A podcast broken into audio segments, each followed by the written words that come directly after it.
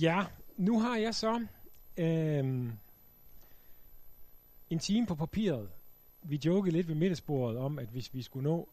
Det kan, det kan faktisk blive den dyreste forelæsning at holde for langt den her. Fordi vi skal jo nå nogle opvarmningsrunder for at få kroppen i gang. Så hvis det nu trækker ud, så koster det MF 50.000 kroner. Så hvorfor ikke bare få svaret øh, med et ja, og så komme ud og cykle rundt? Det kunne man sige. Man kan også sige, at jeg tænkte, øh, da jeg sad og forberedte det her, at i øh, bedste Leif Andersen-stil, så skulle vi starte med et billede.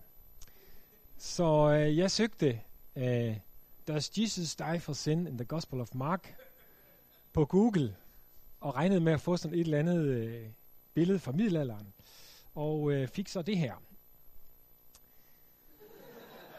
Ja, og tænkte, det var i grunden ikke helt ved siden af. Jeg kan vide, om der ikke er nogen af jer, der tænkte, da I læste overskriften, hvad alverden, øh, hvor tosset kan man blive som teolog, hvor meget fundamentalt og åbenbart klart og givet på forhånd kan man stille spørgsmålstegn ved som psykolog.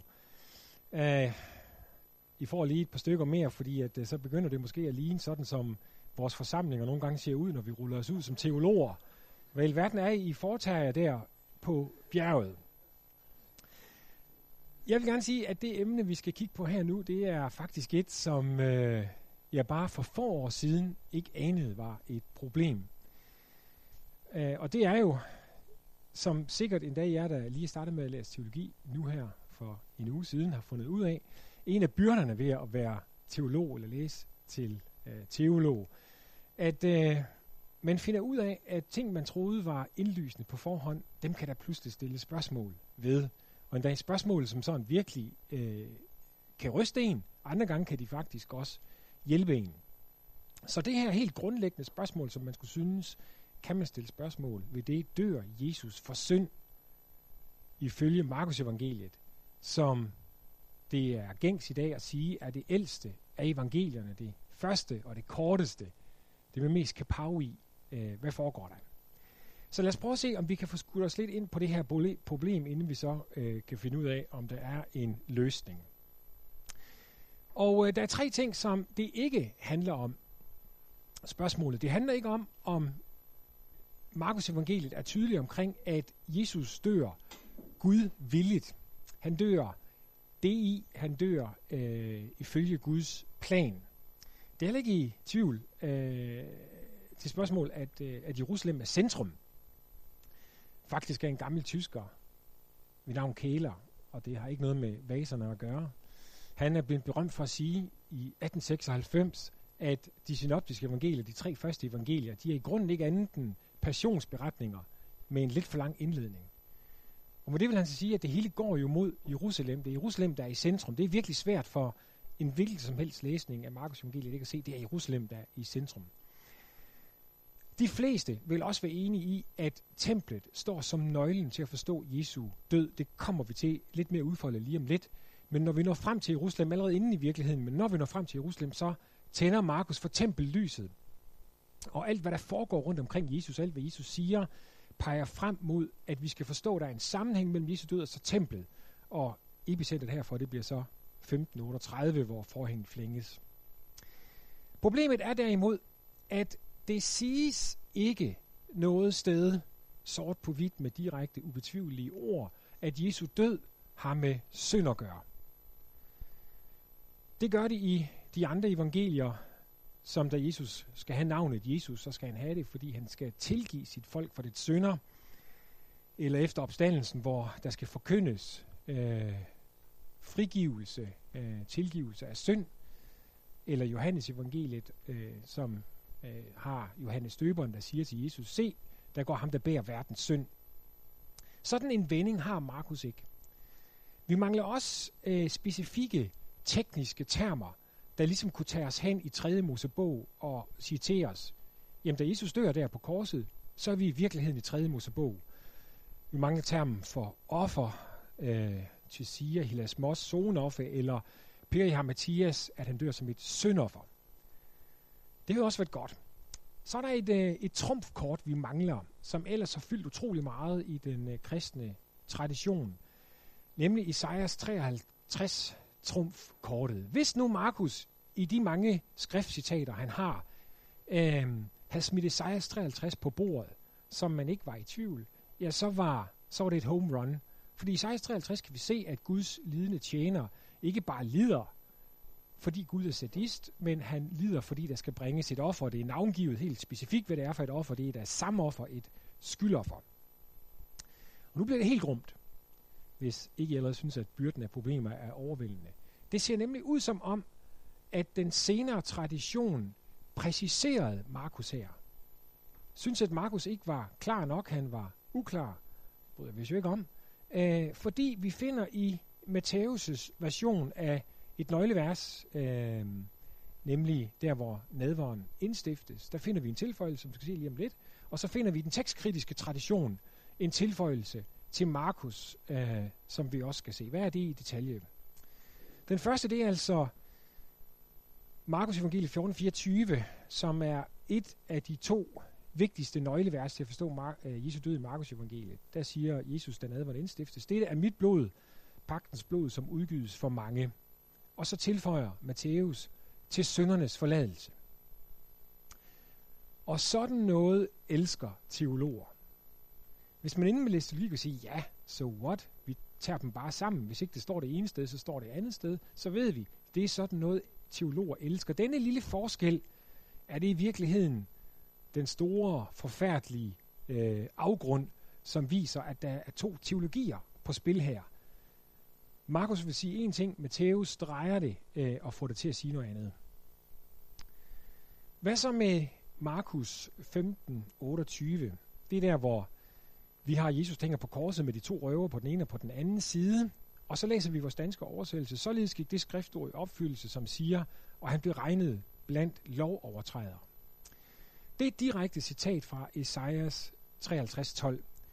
Det viser sig så bare, at med de almindelige tekstkritiske regler, som man lærer øh, af Claus Wiebe, hvis man er 19 år gangen, af Svend Fodgaard eller andre, hvis ikke man er det, at dem skal man ikke diskutere med. De er, de er virkelig svære at diskutere med. Øh, vi kan se ud af en gængs tilgang øh, til alle de øh, skrifter og fragmenter, vi har i Nytestamentet, hvad der var genuint, hvad der var ældst, og hvad der er tilføjet. Og I det her tilfælde er der virkelig ikke nogen tvivl. Det er et tilføjet vers, som ovenkøbet er hentet et bestemt sted fra, nemlig fra Lukas evangeliet kapitel 22, vers 37, som en senere øh, skriftlærer, en, en munk eller, eller noget andet tænkte, det passer godt ind der. Det gør tydeligt, hvad der foregår der. Så for at spidse vores problem til, så ender vi her i øh, epicentret i Markus evangeliet kapitel 15 38 med et spørgsmål, hvor vi altså læser, at da Jesus dør, så udstødte han et højt skrig og udåndede, og forhænget i templet flænges i to dele fra øverst til nederst. Da officeren, det vil sige den romerske officer, som stod lige over for ham, så, at han udåndede sådan, sagde han, sandelig den mand var Guds søn. Den læsning, jeg ankom til det her problem med, og som måske er jeres, måske ikke er jeres, jeg skal ikke skyde noget i skolen på jer, øh, vil lige præcis lave sådan et surprised face. Det var vist det, der var min Google-søgning, som vi så før. Hvad er der at diskutere her? Det må jo være helt åbenbart, hvad Markus siger. Øh, Jesus dør, Gud responderer med en tempelaktion, som må sige øh, til os, at Jesus dør fra synd, han dør tempelkultisk. Problemet er bare, at det ikke står der.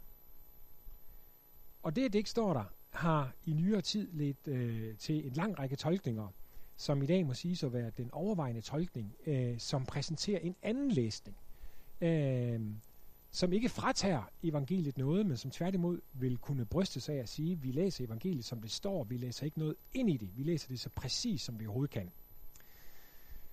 Så hvis I kan holde til mere, øh, så skal vi prøve at se på to af disse læsninger, inden vi så går i gang med at debattere med dem. Og det er altså to alternative tolkninger af, af 1538, som er det vers, vi i særlig grad gerne vil have et svar på, hvis vi skal besvare vores udgangspunkt, dør Jesus for synd i Markus evangeliet. Men i hele taget faktisk også giver en helhedslæsning af Markus evangeliets soningslære, øh, det soteriologi. Den første blev foreslået af en erhverdig engelsk forsker, hvis efternavn øh, jeg kviger mig lidt ved at udtale.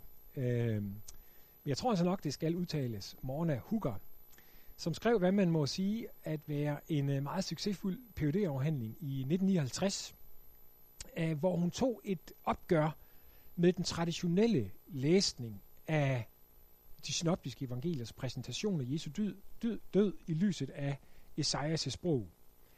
Det hun analyserede sig frem til, det var, at sejren er vigtigere for Markus og de to andre, end synden af dem.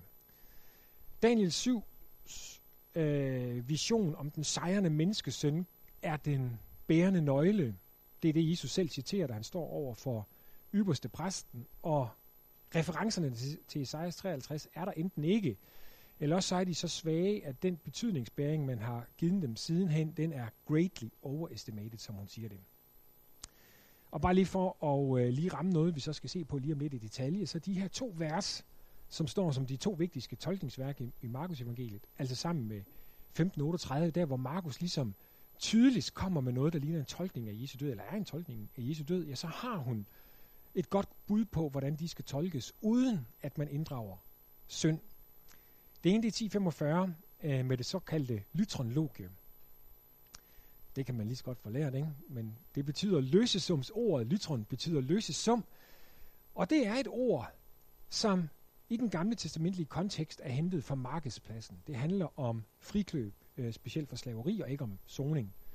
Og det andet, i 1424, hvor Jesus omtaler pagtens blod, det vi lige har set, ja, der siger hun med reference til anden Mosebog, hvor det kommer fra, som vi igen lige skal se i detalje lige om lidt, at det handler om indstiftelse af en pagt. Det handler om en, øh, en relation og ikke om en kultisk stød. Hvad gør hun så? Øh, ja, så lige den sidste ting, det er, hvad gør hun så? Ja, med synden? fordi der omtales jo faktisk synd i Markus evangeliet. Det er ikke sådan, at Markus evangeliet ikke, ikke taler om synd.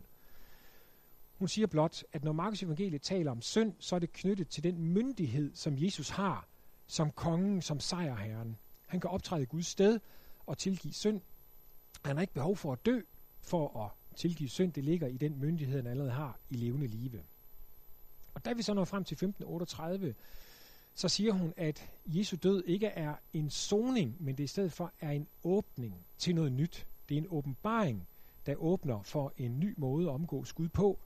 Øhm, og baggrunden for det forslag er, at øh, der jo altså ikke står, hvad for et forhæng det er, der flænges. Øh, og ifølge traditionen er der to forhæng, et indre og et ydre.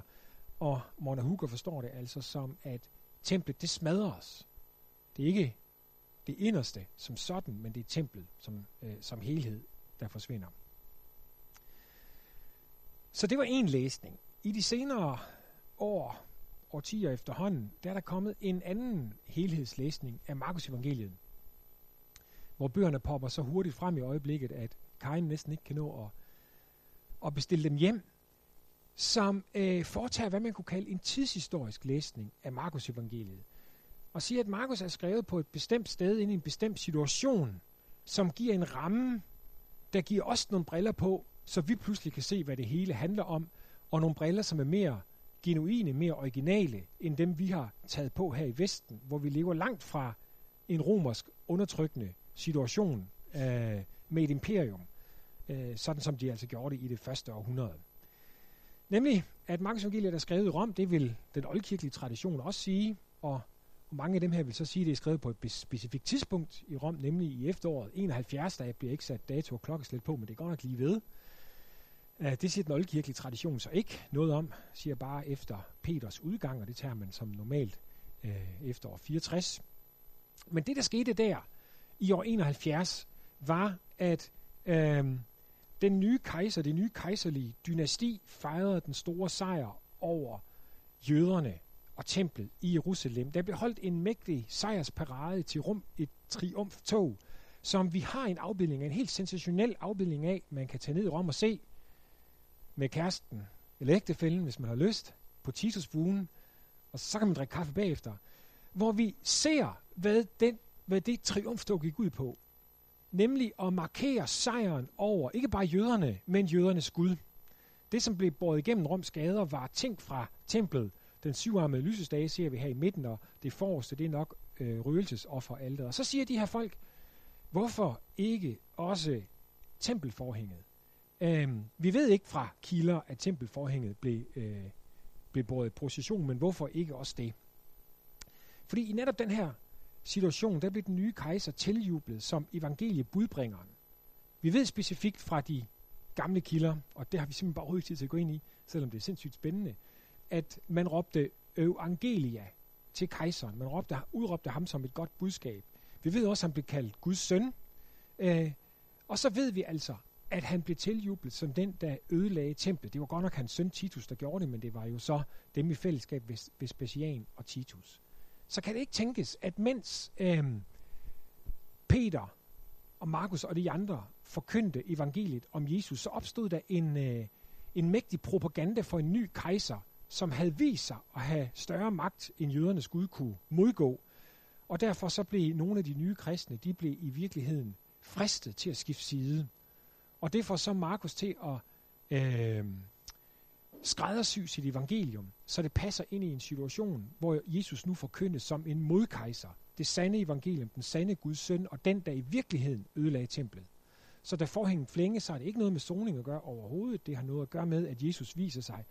Han, han hiver sådan set sejren for Vespasian ud af hånden på ham. Han trækker forhænget ud af hånden på ham og siger, det var, det var mig, der gjorde det først.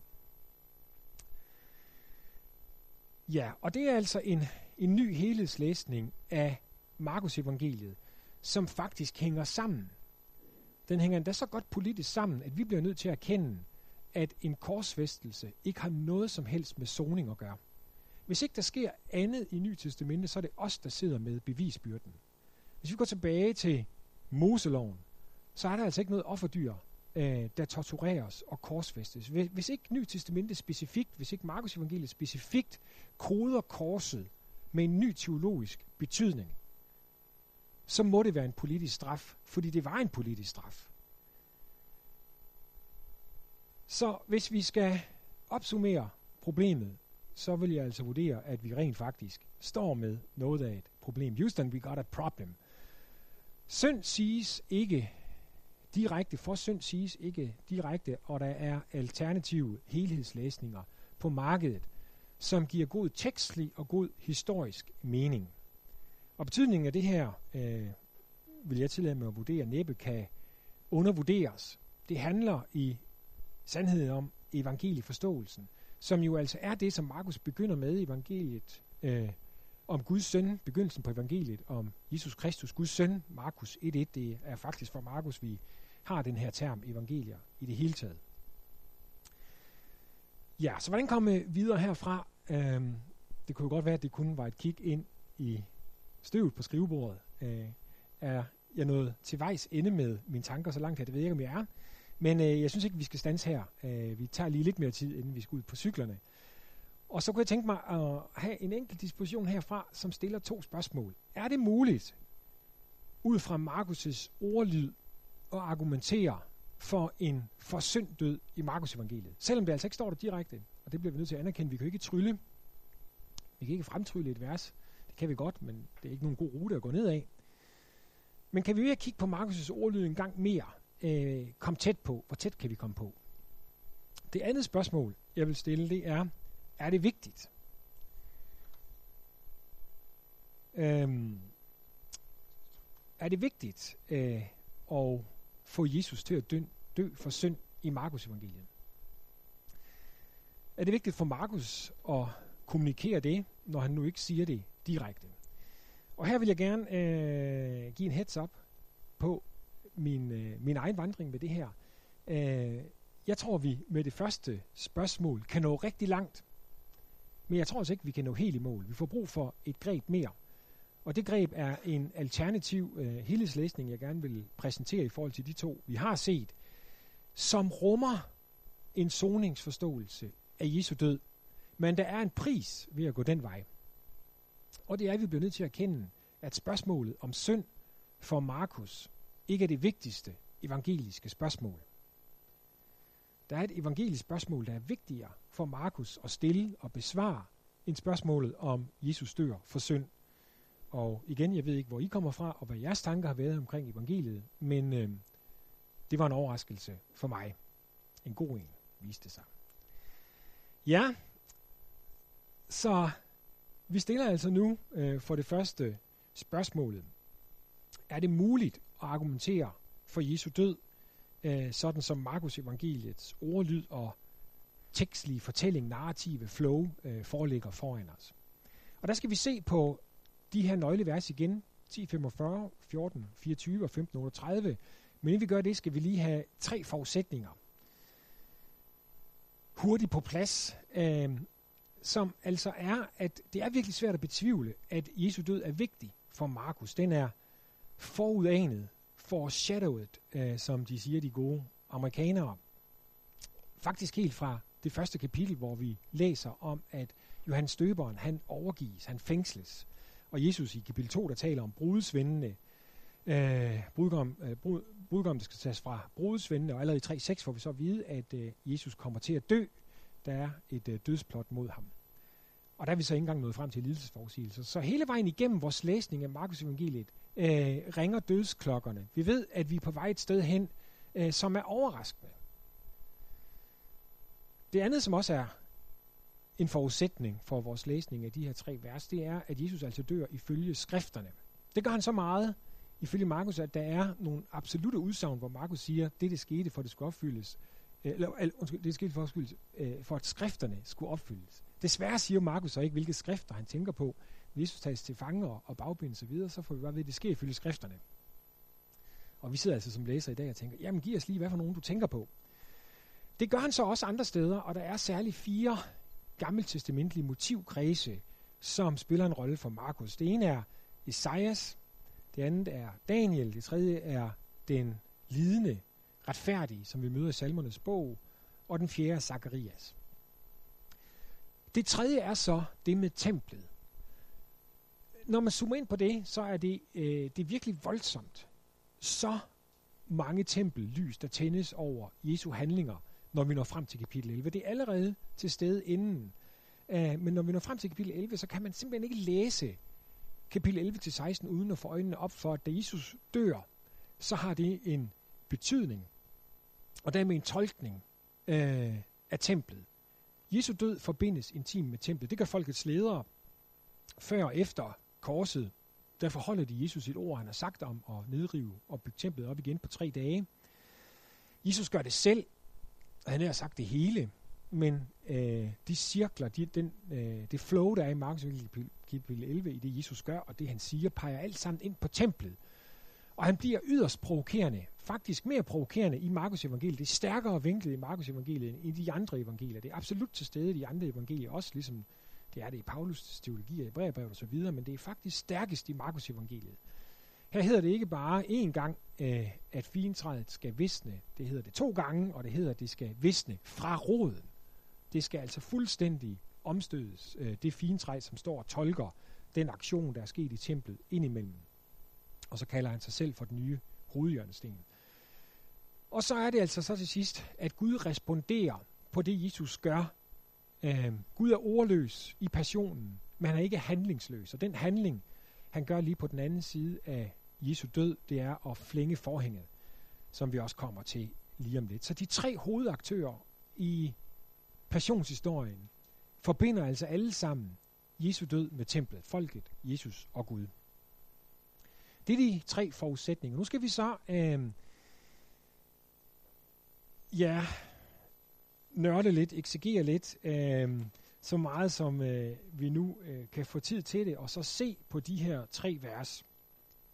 Hvis I har bibler med, på den ene eller den anden måde, så må I, øh, I gerne slå op og kigge med. Og det første, det er altså Markus øh, 10.45, som der ikke er rabat på, når man har haft Markus evangeliet.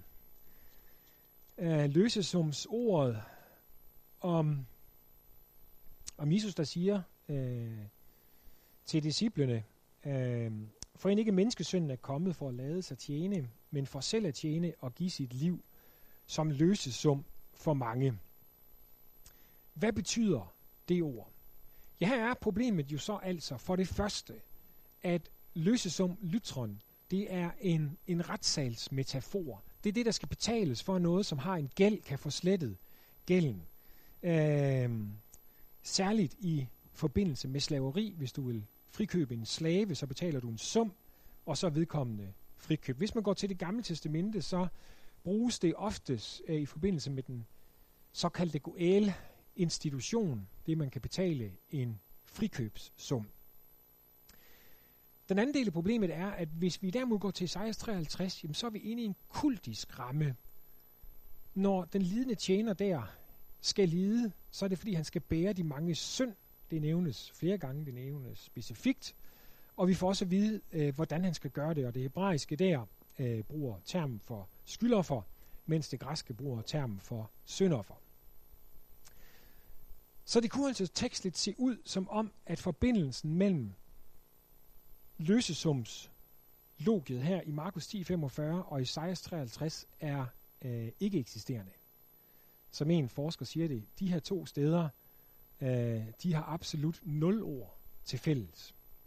Og det kunne faktisk sådan ud. Men der er en mulighed for at argumentere for en øh, sammenhæng. Det viser sig nemlig, at lytron, det græske lytron, to steder bruges til oversættelse af hebraiske ord, som har at gøre med zoning, altså ord, der er hentet inden for templet og ikke fra markedspladsen. Det første sted, det har vi i 2. Mosebog kapitel 30, hvor øh, der gives en forordning om, hvad man skal gøre med de israelitiske mænd, der skal betales en løsesum for dem. Øh, formodentlig har det noget at gøre med, at det skal der gøres, øh, fordi de skal være soldater. De går i krig, og dermed så pådrager de sig blodskyld, og der skal altså så betales zonepenge for det. Og det hebraiske der, kofager, har zoningsordet kafar i sig, øh, og oversættes som med lytra, flertalsformen af lytron. Det andet sted er i 4. Mosebog, hvor vi har loven om ikke-zoning for drabsmænd. Hvis man begår et drab, øh, så kan man ikke blive zonet for ifølge loven der. Og der får vi igen de samme ord, lytra og kofager. Øh, og der må ikke zones for dem, der må ikke ex ilaskumais. Øh, de må ikke købes fri fra synden. De må ikke, deres synd må ikke zones. Den skal bestå øh, sådan, at der ikke er flere, der fristes til at være drabsmænd. Så der gives altså nogle steder, det er ikke mange, to steder. Øh, et tredje sted, hvor lytra bruges i forbindelse med levitter, kunne man måske også nævne levitterne, som går rundt ind i templet, som også skaber en forbindelse. Øh, dertil kommer så, at udtrykket for mange øh, hyperpoloen og antipoloen, det bruges to gange i Markus her i 10.45 så i 14.24, som vi skal se om et sekund, at det faktisk kan have et ekko fra Isaias 53. Det er altså så omstridt. Det er der mange forskere, der ikke vil sige, fordi det ikke står der helt præcis direkte med den ordlyd, som Markus bruger. Øh, men den her tanke om, at tjeneren skal bære synden for mange på hebraisk, øh, le rabim, øh, det er øh, på græsk, øh, der står bare proløjs. Øh, der står ikke øh, peripoloen øh, eller antipoloen. Men det bruges altså, polys bruges. Så i 1653 kan have en forbindelse, og i, i det hele taget, så kan den her term for mange give, have et kultisk ekko i sig, fordi når ypperste præsten eller præsten i det hele taget bærer et offer frem for dig, så står det som rutine i 3. Mosebog, at det skal du gøre for dem, det skal du gøre for ham. Så den der hypervending øh, kan altså også være kultisk. Hvad så med det næste vigtige ord, øh, paksblodsordet i 1424? Der er vi i Jerusalem. Vi er der, hvor Jesus er alene med sin disciple, lige inden han går i Gethsemane, og øh, han holder det her måltid med dem, som han tyder for dem. Og den tydning rummer så øh, vel det formodentlig tydnings, vigtigste tydningsord i, i Markus evangeliet. Øh, 1423, han tog et bære, takkede og gav dem det, og drak, og de drak alle af det. Og så sagde han til dem, dette er mit blod, pagtens blod, som udgydes for mange. Dette pagtens blod, rummer det soning i sig, eller hvad i verden gør det? Her er problemet så altså, at pagtens blod har en helt specifik reference til det gamle testamente, nemlig til en scene efter udfrielsen fra Ægypten, hvor folket er forsamlet rundt om Sinai bjerg, øh, 4. Mosebog, kapitel 24, øh, som jeg også googlede på, og her var valget mellem at tage et, øh, et af de her Jehovas vidner, øh, gentegninger af Bibelen, som man ofte kommer frem til, når man søger rundt på ting, der er foregået i Bibelen. Eller et af Leifs gamle billeder fra middelalderen. Og det valgte jeg. Øh, det var ikke det der. Øh, det var det her. Og så må vi så leve med, at vi får en svejser soldat der yderst, og et eller andet, der ligner Jomfru Maria til at hygge os på der nederst. Øh, og så ser vi altså ind i den her meget, meget vigtige, virkelig, det er virkelig en centrumscene i Israels historie. Himlen er åben. Øh, der er kun et sted, et sted, der i virkeligheden overmatcher det her sted i det gamle testamente, og det er Edens have. Himlen er åben, der er en umedieret adgang til Gud gennem Moses. Og nu skal der indstiftes en pagt, det vil sige en relation, et fællesskab mellem Gud og folket. Og for det, der skal Moses foretage to ofringer. Han skal foretage brandoffre og måltidsoffre. Han skal tage noget blod, han skal stænke halvdelen af det på alderet og halvdelen af det på folket. Udfordringen er, at det blod, det nævner, øh, det blod rummer ikke øh, syndstilgivelse i sig, specifikt set. Det er ikke et syndoffer, det er ikke et zonoffer. Et fællesskabsoffer er et, øh, nu har vi fredoffer, det er et paksoffer, et relationsoffer. Øh, og det samme med, øh, øh, med øh, brandofferet i dets udgangspunkt. Igen, hvis vi kigger godt efter og graver i det og lægger tingene i forlængelse af hinanden, så kan vi finde ekoer, som går i en anden retning. Og her vil jeg pege på fire ting, som øh, skaber en relation mellem det, der foregår der i øh, 2. Mosebog, kapitel 24, og så det, vi er på jagt efter, nemlig en soningstolkning af Jesu død. Øhm, selvom det er fuldstændig korrekt, at i 2. Mosebog kapitel 24, der tales der ikke om mediering af synd. Der er ikke brug for mediering af synd. Der er brug for at oprette en pagt. Så når vi når frem til 3. Mosebog, øh, og brandofferet indstiftes, eller der fortælles, øh, hvordan de skal bruges og hvad det er til for, ja, så nævnes der, at det skal skaffe soning. Og der har vi altså igen øh, de her soningstermer, øh, som tager os ind i, i den del af templets betydning. Det andet er, at øh, når der står, at mit blod skal udgydes, så er det faktisk også en kultisk term, som bruges i 3. Mosebog øh, om syndoffre. Den bruges kun der. Brandofferets blod for eksempel, det skal stænkes, men syndofferets blod, det skal udgydes. Og med det så kan man måske lave den tolkning, at selvom vi er i 2. Mosebog kapitel 24, og det er udfrielsen og fællesskabet, der er hovedmotivet for at forstå, hvad der foregår, så ved at Jesus siger øh, udgydes og ikke stænke, så begynder syndofferet at ringe med ind i billedet. For det tredje, så har vi altså igen en for mange term, som vi har set på lige før. Og for det fjerde, hvis det har nogen værdi, så er der tolkninger fra Jesu tid øh, øh, på aramæisk, de såkaldte targumer, altså nogle teologer, jødiske teologer, som skrev en tolkning af det gamle testamente. Øh, dem har vi tre af til øh, 2. Mosebog kapitel 24, og to af dem siger, at det, der foregik der, det er også medieret synd. Så hvis det har nogen værdi for os, så forstod nogle jøder på Jesu tid, øh, 2. Mosebog 24, som, øh, øh, som syndsmediering. Ja, så jeg fortænker ikke nogen så langt, som hvis I har det sådan, at det er, er, er det røgen, vi har set, og er der så et bål, er bålet uddødt, har det aldrig været tændt, er det, er det benzin det her, eller er det bare benzin dampe? Er det, hvor mange ting skal lægges i forlængelse af hinanden, før vi synes, at det bærer et bevis, eller er hele den procedure med at lægge ting i forlængelse af hinanden i virkeligheden øh, fejlagtig, når der gives alternative tolkninger. Men det her, det er så langt som øh, jeg synes, jeg kan gå med argumentet. Altså, der er ikke nogen direkte anvisning, tolkning af Jesu død som et syndoffer i Markus evangeliet, men de ord, han anvender, de rummer altså ekoer, som har overlap med både synd og skyldofferet øh, fra 3. Mosebog. Så langt øh, tager jeg godt lægge hovedet på blokken. Med det der når vi så frem til øh, det sidste vers, øh, det flængede forhæng i 1538. Og der er problemet jo så altså det, at vi ikke får at vide, hvilket forhæng der flænges. Rent faktisk, så er der noget i den måde, som øh, Markus gengiver situationen på, der kunne lede os til den tanke, at det ikke kan være det inderste. Der står jo i i respons til, at forhænget flænges i 1539, at officeren, som stod lige over for Jesus, så, at han udåndede sådan, sagde han, sandelig den mand var Guds søn. Så det, den umiddelbare læsning er den, at der sker noget med templet men det er synligt for en, der står på afstand. Rent faktisk er der nogen tolker, der siger, at Golgata var placeret på oliebjerget, så man kunne se ned øh, på det forhæng, øh, som hang foran det hellige, øh, og så øh, vil man måske øh, kunne se, hvad det var, der foregik.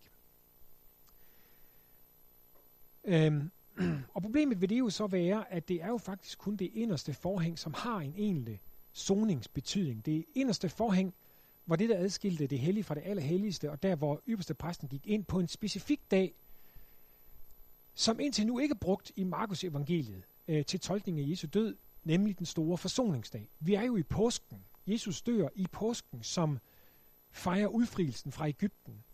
Hvis det er det inderste forhæng, der henvises til, så vil der pludselig komme en forsoningsdagsmetafor ind i billedet. Øh, men det siger Markus jo altså ikke direkte, sådan som Hebræerbrevets forfatter er specifik omkring og siger til os, at det var det andet forhæng, han gik ind bagved øh, og gav os frimodighed til at gøre lige sådan. Så kan vi komme udenom den, at øh, vi må give op her. De gamle tyskere har diskuteret det her i uendelighed og oplegnet samtlige oversættelser af de forskellige hebraiske ord, hvor der er forskel på ordet, og det er der altså ikke på græsk.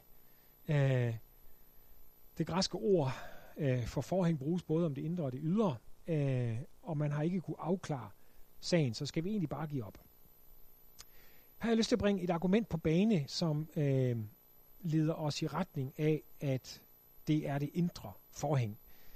Øh, jeg synes, der er en underbetonet far-søn-aktie i Markus evangeliets passion, øh, som man øh, enten afviser eller ikke tager ad notam. Og med det der mener jeg, at der er en samtale mellem Jesus og Gud, mellem faderen og sønnen, som løber igennem Markus evangeliet, øh, uden at Markus altså bryder ind specifikt øh, og siger til os, hold nu øje med det. Sådan, sådan fungerer et evangelium ikke, sådan fungerer Markus ikke. Det er et nar- en narrativ fortælling. Det er ikke en teologisk skrift, hvor han siger, og deraf kan vi se, det er i hvert fald ikke hovedsagen. En gang imellem kommer der måske sådan nogle øh, kommentarer fra ham, men vi skal finde det i øh, forløbet. Og der er der altså en far-søn-akse, som begynder i øh, 1427, lige efter indstiftelsen af nadveren, eller tydningsordet over det sidste måltid, øh, hvor Jesus har øh, et andet meget vigtigt tolkningsvers om sin død, og refererer til Zakarias øh, om øh, faderen, der vil slå sønnen, faderen, der vil slå hyrden. Så der foregår et eller andet mellem Gud og Jesus, øh, ifølge Jesus, sådan som Markus gengiver det. Det næste får vi Gethsemane, hvor Jesus retter øh, sin foranstående situation til Gud.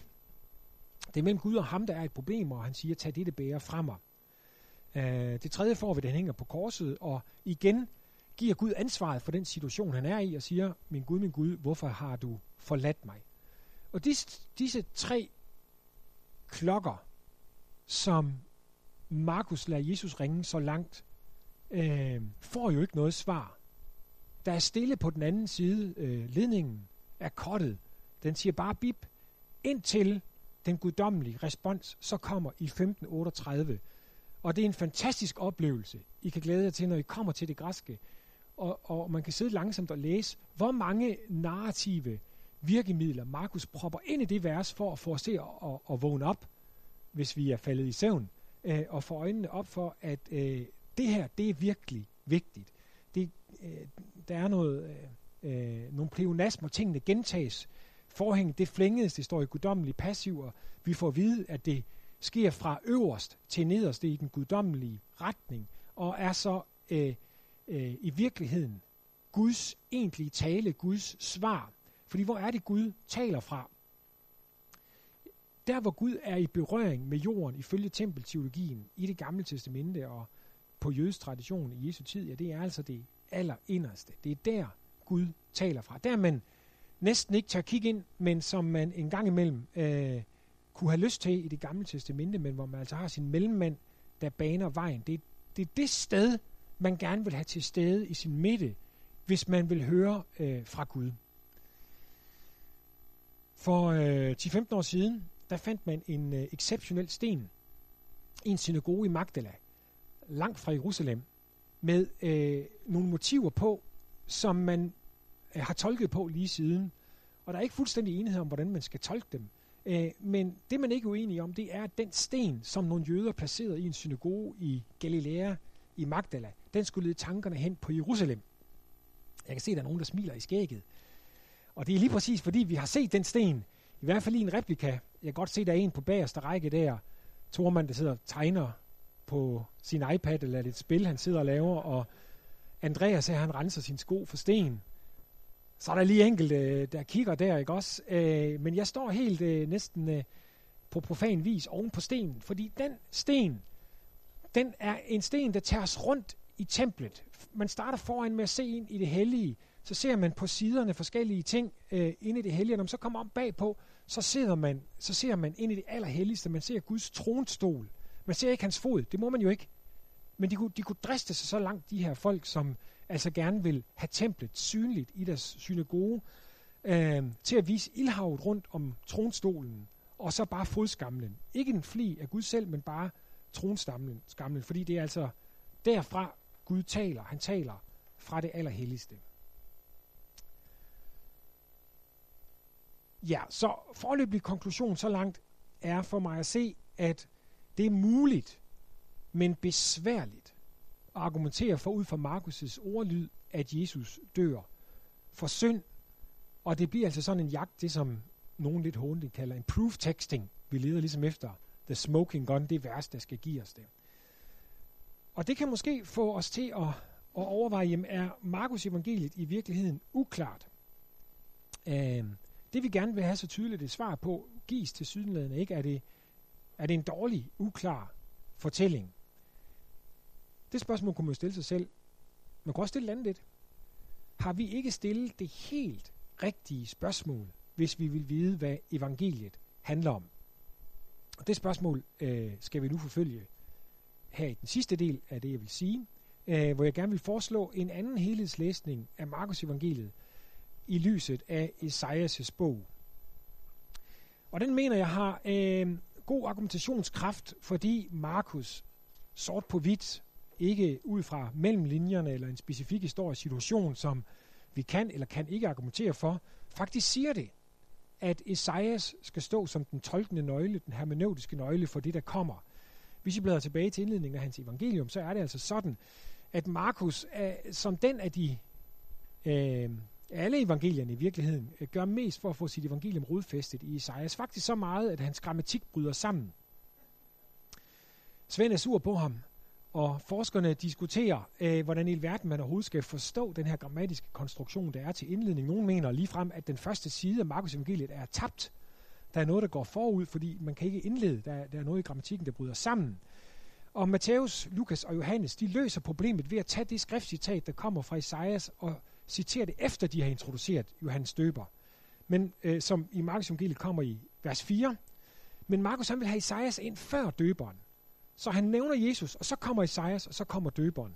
Og det er det, der skaber misæren. Men det skaber jo så altså også den her narrative spænding, eller den her overskrift for hele Markus evangeliet, at det handler om Esajas. Hvis vi vil forstå, hvad Markus vil sige, skal vi forstå Esajas. Og der er der altså en side af Esajas evangeliet, eller en, en, en grundidé i, Markus, i Esajas, som vi skal se nu, at, Mark, at Esajas fortæller om en ny udfrielse. Esajas' vilde vision er, at Gud vil gentage den udfrielse for fangenskab, som var i Ægypten øh, med sit folk, da det på ny kommer i fangenskab. Det ser vi særligt i Markus, øh, i Esajas' anden hoveddel, øh, kapitel 40, vers eller kapitel 40 til 55, hvor der er trøste ord til folket i Babylon. Øh, det er akkurat det, som øh, Markus citerer fra. Her er et sted, hvor jeg vil ønske, vi ikke skulle ud og køre på cykelløb, så vi kunne bruge lidt mere tid på at, at læse lidt i Isaias. Så det vil jeg så anbefale, at I kan gå hjem og gøre. Men det er virkelig en fantastisk fortælling. Uh, en fantastisk vision, et fantastisk løfteord, Esajas kommer med, uh, om den her nye udfrielse, som når man læser den igennem, så vil jeg våge den påstand, at den har et hovedformål, som uh, opnås gennem to processer. Hovedformålet er nærhed. Øh, Gud lærer Esajas profeterer om, hvordan han skal komme nær, nærhedstermer, hentet fra tempeltermerne, hvordan man kommer Gud nær i, i templet, øh, bliver nu øh, sat i virkning her. Øh, der tales om Gud som en hyrde, der tales om, hvordan Gud selv går foran, og det gør han indtil han til sidst øh, på hebraisk udbryder. Hende enig, her er jeg. Nu er jeg kommet til stede blandt folket. Jeg har sat mig på ny på tronen i Jerusalem, og jeg vil være jeres konge. Hvordan skal den fornyede nærhed blandt folket så opstå? Ja, den skal opstå gennem en dobbelt proces, en sammenvævet proces, øh, som på den ene side har krig som overskrift. Øh, Herren viser sig som en vældig kriger. Han øh, drager i krig med sin øh, arm, som er løftet, og som rydder vejen øh, foran ham selv og foran folket. Og det er, det er overarmen. Det er den stærke side. Det er det, der fylder mest. Men der er en side mere, som øh, fylder lidt mindre, men som, øh, som er der. Øh, og som har at gøre med, øh, med zoning. Så krig og tempel, zoning, sejr og zoning er de to virkemidler, som Gud vil bruge for at komme tæt på sit folk. Fordi når han har besejret de modstandsmagter, som står ham imod, så vil han forny, genoprette templet. Og det er ind i den øh, fortælling, at vi får Isaias 53. Den er omkranset af sejr på begge sider, men ind i den sejr er der behov for, at der bringes et offer, som øh, sætter tempel på sin rette plads igen. Hvis vi tager de her briller på til læsning af Markus evangeliet, øh, er det min vurdering, at vi får ved øh, temmelig dybt i Markus evangeliet narrative flow. Den kongelige krig øh, fylder rigtig, rigtig meget, og det gør den med rette ud fra Esajas evangeliet. Så langt har Morten Hugger faktisk ret. Markus evangeliet er en evangelisk beretning om en sejr. Det er rent faktisk øh, det, som evangelium betyder. Det er et budskab, der kommer fra sejrsmarken. Det er det budskab, som løberen tog med fra slagmarken og så tilbage til kongen. Vi har vundet. Det er grundbetydningen i det gamle testamente. Og det er sådan, Jesus øh, introduceres i prologen. Han er den stærkere, som døberen siger det, som døbes med åndens kraft, besejrer Satan ude i ørkenen. Øh, og med det samme, når han siger noget, tager evangelieordet, som kommer fra Isaias, tager sejrsbudskabet fra Isaias i sin mund, øh, og udråber, at nu er den evangeliske sejr kommet nær. Havde vi tid til at gå ind i Galilea, så ville vi have fået tårer i øjnene i virkeligheden over den perlerække af situationer med nød og ødelæggelse og destruktion i Guds skaberværk, som javekrigeren Jesus som Javes kriger med den løftede arm, adresserer og besejrer. Igen med fantastiske narrative virkemidler bygger Markus øh, spænding op. Øh, jeg synes selv i den her del, der er det mest rystende, det mest hjertegribende. Det er det sted, hvor de kommer til Jesus, øh, som er på vej hen mod datteren, som øh, ligger og er syg, Jesus' datter, og så siger, øh, din datter er død. Så har vi virkelig nået punktet, lavdepunktet. Øhm, og selv den død er Jesus som den sejrende, den stærkere, i stand til at gå imod. Og når vi kommer til Jerusalem, så er det på samme måde sejren, som er øhm, den tydelige overskrift. Når Jesus går op mod templet, så er det lige præcis en konfrontation. Det er noget, som øh, han faktisk går i krig imod. Og den vigtigste tolkning af korset, ifølge Markus, det er kongetermen. Der er ikke noget sted, som i kapitel 15, hvor ordet for Guds rige, i hvert fald i Basileus udgaven, i kongeudgaven, bruges som i kapitel 15. Markus vil have os til at se, at da Jesus hænger på korset, så er han konge. Og det sidste sted, hvor det bliver tydeligt, det er den tomme grav, øh, som flænges. Så Markus' evangelium er et evangelium om en kongelig krig. Og det er det så, øh, fordi at det vil pege på, at ved den sejr kommer Gud nær. Det, som er overskriften i øh, Esajas' nye Exodus-teologi, ny øh, udfrielsesteologi. Så hvordan kan vi belægge den i Markus evangeliet? Og igen vil jeg vurdere, at vi får ved Markus evangeliet afsindigt dybt, hvis vi ser de her briller på, at det Markus vil have os til at se, det er, at Jesus bringer Guds tilstedeværelse helt nær øh, hos sit folk. Det kan man se af, hvad man kunne kalde for Markus' flængningsteologi. Der er mere, der flænges i Markus, end i nogle af de andre evangelier. Det peges mere tydeligt ud i Markus evangeliet, ikke i modsætning til de andre, men mere tydeligt. Den første flængning får vi i, i dåben, hvor Markus som den eneste evangelisterne bruger ordet skitså. Himlen ikke bare er nøjgås, åbnes. Den skitså, som man kan næsten høre, hvor forfærdeligt det er, den flænges, øh, smadres fuldstændig, fordi nu skal der laves en adgang. Og den adgang bringer altså Guds rige nær. Øh, næste berøring af himlen og jorden, som jo altså jo gentager Sinai-situationen fra 2. Mosebog 24, det får vi i åbenbarelsen, øh, åbenbaringen på bjerget. Øh, den tredje får vi så, da forhænget flænge, så der er igen brugt skitså, og de fleste kommentatorer øh, kan acceptere, at der skabes en forbindelse her mellem templet øh, til indledning og dåben tempel til afslutning og øh, dåben til indledning. Og når man har to så stærke piller ved indledning og afslutning, så har man jo altså ved noget af det, en fortælling vil gøre vigtigt. Det gælder den dag i dag, hvis man skriver en vigtig stil. Ikke?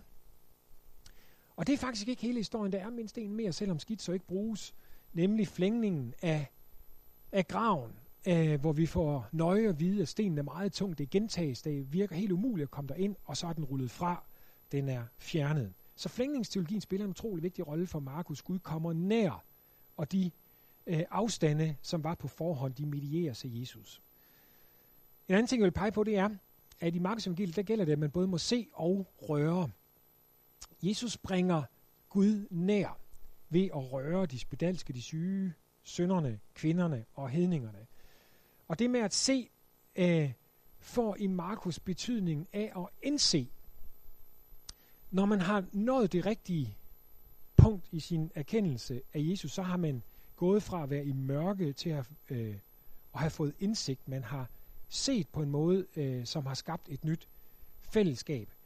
Øhm, det får disciplen at vide i forbindelse med lignelsen i kapitel 4.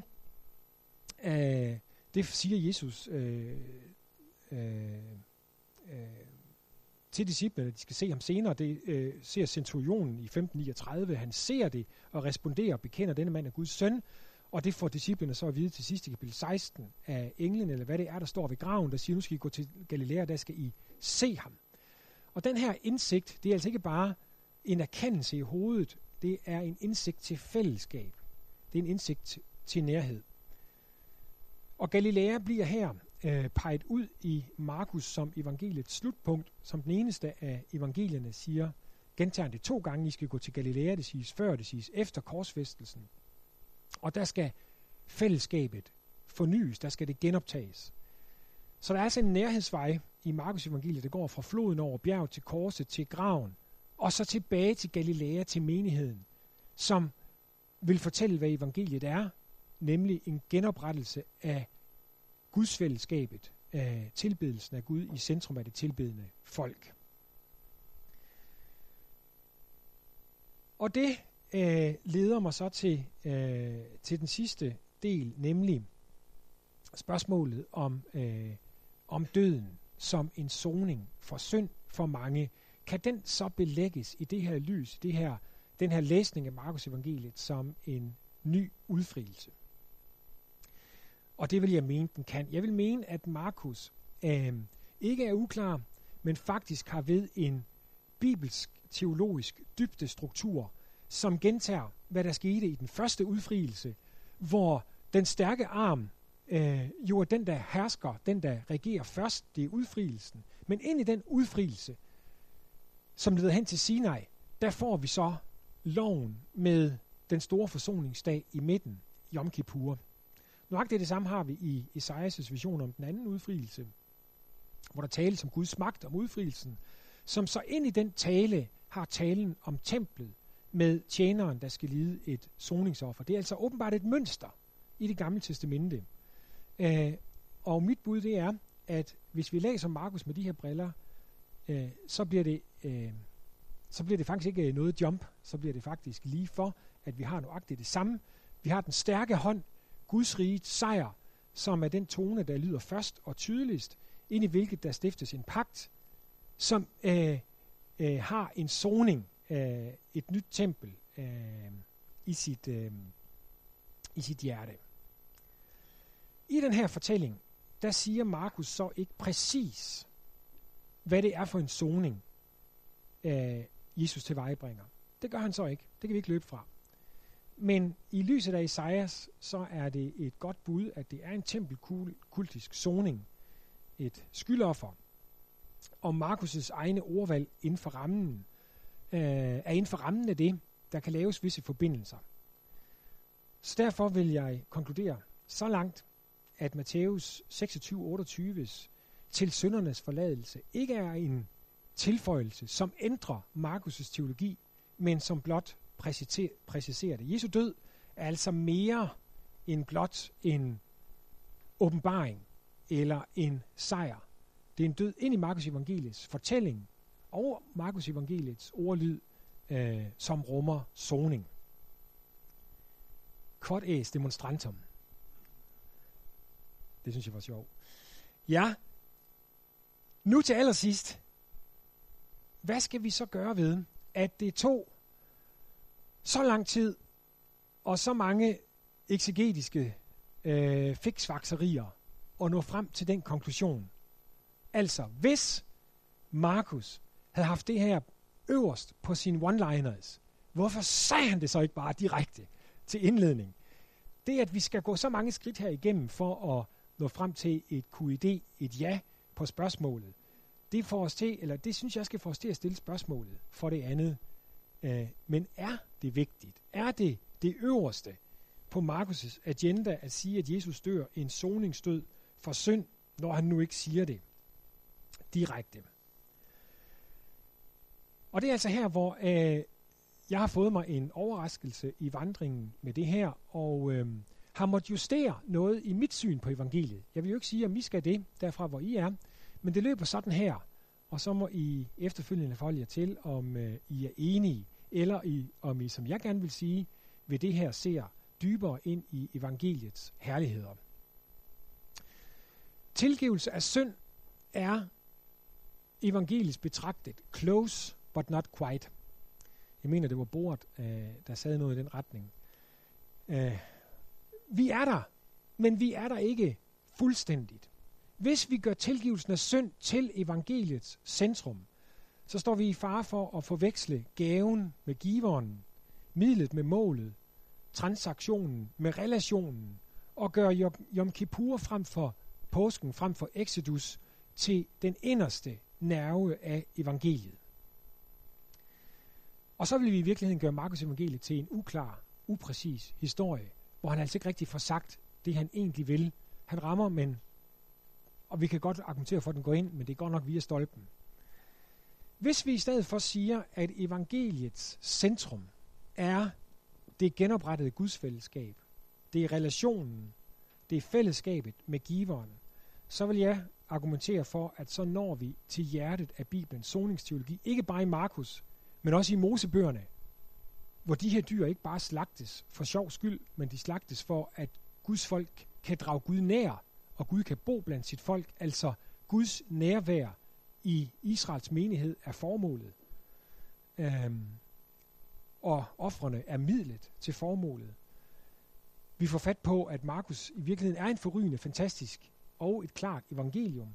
Og vi får et syn for en side, et hjerte i Paulus' forligelses- og forsoningslære, som vi måske har været lidt dårlige til at betone. Og det bliver det sidste, vi skal se på i det, jeg har at sige. Det bliver Paulus, der får det afsluttende ord her. Og øh, dermed så vil jeg gerne skabe en forbindelse, en bibelsk teologisk forbindelse mellem Paulus' teologi og Markus' teologi.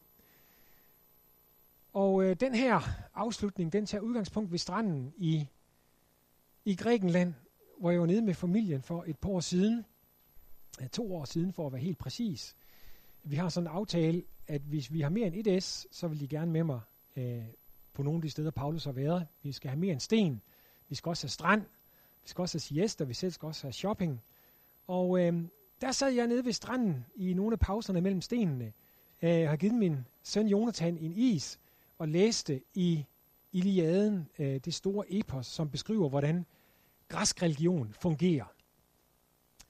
Og det går op for mig, at der ikke er nogen græker, som vil stille det her spørgsmål. Hvem vil være ven med Zeus? De græske guder øh, er vildt inkonsekvente, vildt stærke, vildt vrede. Øh, de er vildt alt muligt. Og det man gerne vil med de græske guder, det er, at man vil gerne ofre til dem, så man får dem på sin side. Hvis de er vrede, så vil man gerne formilde dem, bringe vredesniveauet ned, sådan at de ikke straffer en, men i stedet for straffer ens fjender. Øh, der er ikke nogen, der er ven med guderne øh, i den græske religion. Guden er på afstand, og han er vred, og han skal formidles. Øh, da jeg kom hjem fra at have læst Iliaden, skulle jeg holde et øh, foredrag øh, øh, i Tyskland og alle steder i forbindelse med Unise, som vi samarbejdede med tidligere, om forsoning. Og øh, havde der lejlighed til at prøve at undersøge de forsoningsord, som vi har i Ny Testamente, og finder så ud af via de gamle tyskere, som havde læst samtlige græske tekster, hvad jeg ikke har, øh, at ordene for forsoning, altså eller forligelse, øh, ikke spiller nogen rolle i græsk religion. Der er kun et sted måske, hvor der er en, der offrer til, Gud, til guderne for at blive ven med vedkommende. Disse ord, som kommer til at spille en stor rolle i Paulus' teologi, katalasso og så videre, de er i stedet for hentet fra markedspladsen. Det er et spørgsmål om, hvordan man bliver ven med sin modpart. Hvis man har et udforstående, hvis man har snydt vedkommende eller føler sig snydt, hvad skal der så betales for, at fællesskabet kan genoprettes? Med enkelte forløbere i jødiske tekster, så viser det sig i hele det kendte græske korpus, der er det frem for alt Paulus, der introducerer forligelses- og forsoningstermerne i beskrivelsen mellem Gud og mennesker. Han tager altså noget, som har øh, at gøre med forhold, øh, hjerterelationer mellem mennesker fra markedspladsen eller i venskabsforhold, og så flytter han det ind i Guds relationen. Og i det han gør det, øh, så giver han os et blik ind i, hvor smukt evangeliet er, og derfor så giver vi Paulus ordet her til sidst. Øh, fra hans øh, måske vigtigste udsagn om forsoningen som, eller om soning som forsoning. Det er to modparter bliver venner. Nemlig 2. Korintherbrev 5, øh, hvor han siger, at alt det, det skyldes Gud, som forlidte os med sig selv ved Kristus og gav os forligelsens tjeneste, som man også kunne oversætte med venskabstjenesten. Hvordan bliver man ven med? For det var Gud, der i Kristus forlidte verden med sig selv, og ikke tilregnede dem deres overtrædelser, men betroede os ordet om forligelsen. Så er vi altså udsendinge i Kristi sted i det, vi så at sige formaner, øh, i det Gud så at sige formaner gennem os. Vi beder på Kristi vegne, lad jer forlige med Gud. Lad jer blive ven med Gud. Ham, der ikke kendte til synd, har han gjort til synd for os, for at vi kunne blive Guds retfærdighed i ham. Så altså, jeg kan ikke tale for jer, hvor I er henne i det her, hvor I kommer fra. Men derfra, hvor jeg kom, da jeg arbejdede med det her, så vil jeg altså sige, at øh, det her blik ind i, sonings, i Nytestamentets soningsteologi, som har relationen, som har venskabet, som har hjertet forholdet i sit centrum, og kobler de ting, der adskiller den relation øh, helt tæt på centrum, men altså ikke er centrum selv, synden og døden frem for alt, de to stærkeste fordavsmagter, som skal medieres, for vi når til målet. Det var altså en overraskelse for mig, en evangelisk og uafkortet, smuk overraskelse. På grund af Jesu liv, død og opstandelse, så spørger evangeliet os, vil du være ven med Gud? Øh, tak.